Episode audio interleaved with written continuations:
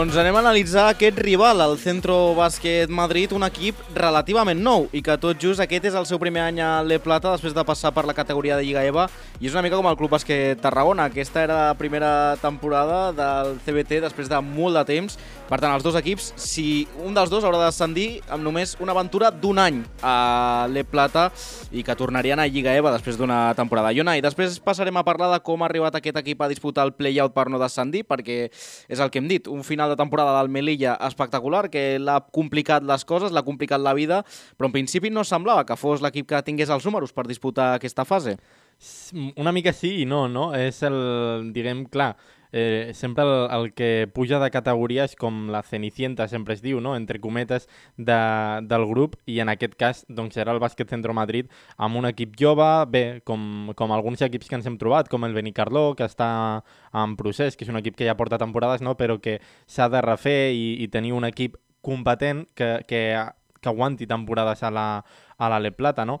Semblava que, que els de la part baixa no podrien guanyar els de la zona mitja i clar, pensàvem, doncs potser hem de viatjar a Melilla a, a visitar l'Enrique mm. Soler, però no, no, no ha estat així finalment, perquè el conjunt de Melilla ha guanyat eh, els dos primers partits, forçant així a que l'Algeciras també se salvés guanyant el tercer duel del Melilla, i, i bé, tots dos equips s'han acabat salvant, com diem també el Salamanca, el Carvajosa, que lluitarà contra l'Ozono Global Jairis, i el que dèiem, no? Sí que no ens ho esperaven en un principi, però clar, el Centro Bàsquet Madrid ja havia acabat la seva temporada amb 10 victòries i era molt més fàcil que el Melilla depenia d'ell de, mateix per evitar aquest play-out. Mm -hmm. Quan depens de tu mateix també tens aquesta tranquil·litat, igual que li va passar al Cornellà, que no depenia d'ell mateix, va guanyar el partit, però el CBT va guanyar davant el Jairis i no va poder salvar-se. Endinsem-nos llavors una mica més a conèixer aquest equip, el Centro Bàsquet Madrid. Què en sabem d'ells? Perquè és un equip molt i molt jove i Berni parlava que ells físicament el seu punt fort era el físic, però que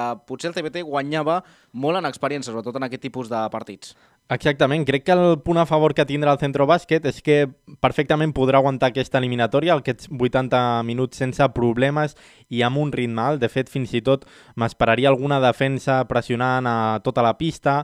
Eh, bueno, jo crec que eh, el seu entrenador aprofitarà aquest, aquesta, aquesta joventut, aquesta explosivitat que tenen els jugadors joves per posar en risc i en perill a un CBT i dificultar la seva sortida de pilota. No? El punt en contra precisament és aquesta falta d'experiència que, que comentes i que comentava Berni, i és que crec que si el CBT aconsegueix alguna petita renda, fins i tot una renda alta, que pot servir al centre bàsquet, que encara estaria al partit i a l'eliminatòria, però pot ser que els jugadors joves, amb aquestes rentes, quan s'aconsegueixen, són més de baixar els braços, no? de puf, ja són 10 punts, és molt difícil. Jo crec que aquest serà el punt a favor del CBT i si s'aconsegueix aquesta petita renda, si s'aconsegueix trencar el partit, crec que és quan Berni Álvarez ha de posar ja tota la carn a, a, a l'assador i, i trencar -hmm. l'eliminatòria al partit i anar ja a aconseguir aquesta permanència. Mm -hmm. Doncs anem a destacar una mica individualment. Jonai, quins perills té aquest equip tan jove? En qui ens hem de fixar? Perquè té un jugador que té unes dots físiques que el veurem tot just entrem al pavelló.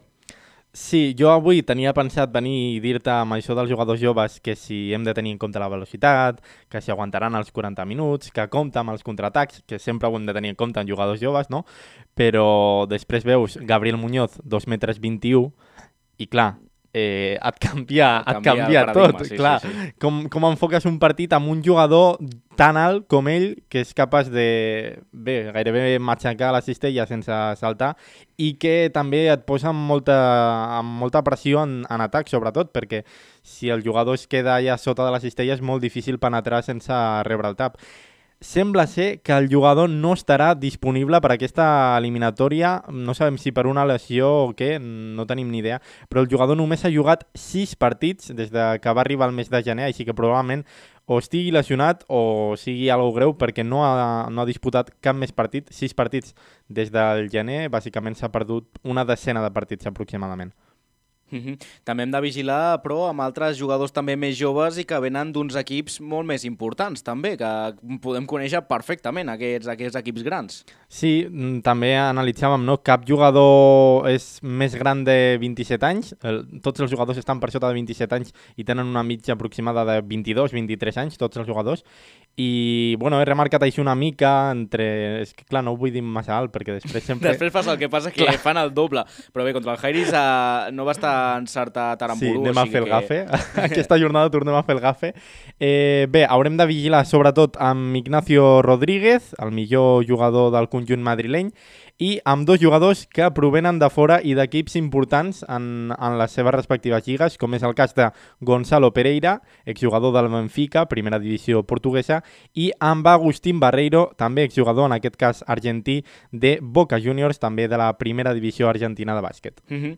I per últim, anem amb els seus precedents, perquè al final de temporada que els ha condemnat a ser el play-out és significatiu. Han tingut derrotes, com per exemple l'Alcobendas, que era un equip ja descendit. Sí, si mirem el còmput global, com he dit abans, eh, podem dir que ells han fet una victòria més que en altres en, en aquesta temporada, no?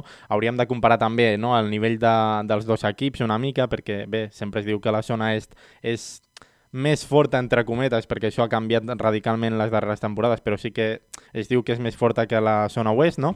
Però bé, per exemple, han guanyat el quart classificat de la seva taula, com és el Clavijo, en un tram final on s'estaven jugant a evitar aquest play-out, eh, marcat també sobretot pels ajornaments, això tampoc els ha favorit gaire. Eh, haver de jugar sense saber què passa amb els altres partits, mm, no sé, és una mica el que va passar amb el CBT, no? Dependre d'un altre equip si hagués perdut a, a Múrcia és una mica estrany i no sé si, el, si acaba d'agradar el conjunt madrileny.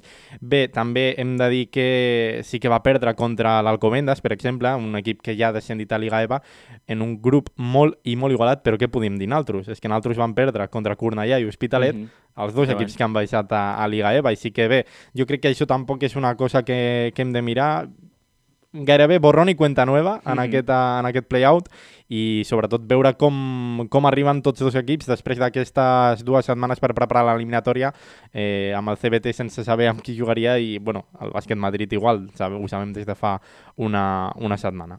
És que el bàsquet és tot un món, perquè també vam veure l'Ozono Global Jairis que li va posar les coses molt i molt complicades al bàsquet Navarra, va venir aquí al Pau i al Serrallo, que gairebé era un equip en el que sí que ens van ficar davant el partit i de més, però ens va costar moltíssim amb el bàsquet Navarra i el Jairis va estar a punt de guanyar el conjunt navarrès i finalment vam anar allà a Múrcia i els dos equips doncs, amb moltes imprecisions, amb moltes errades i que finalment doncs, que es va decidir per petits detalls.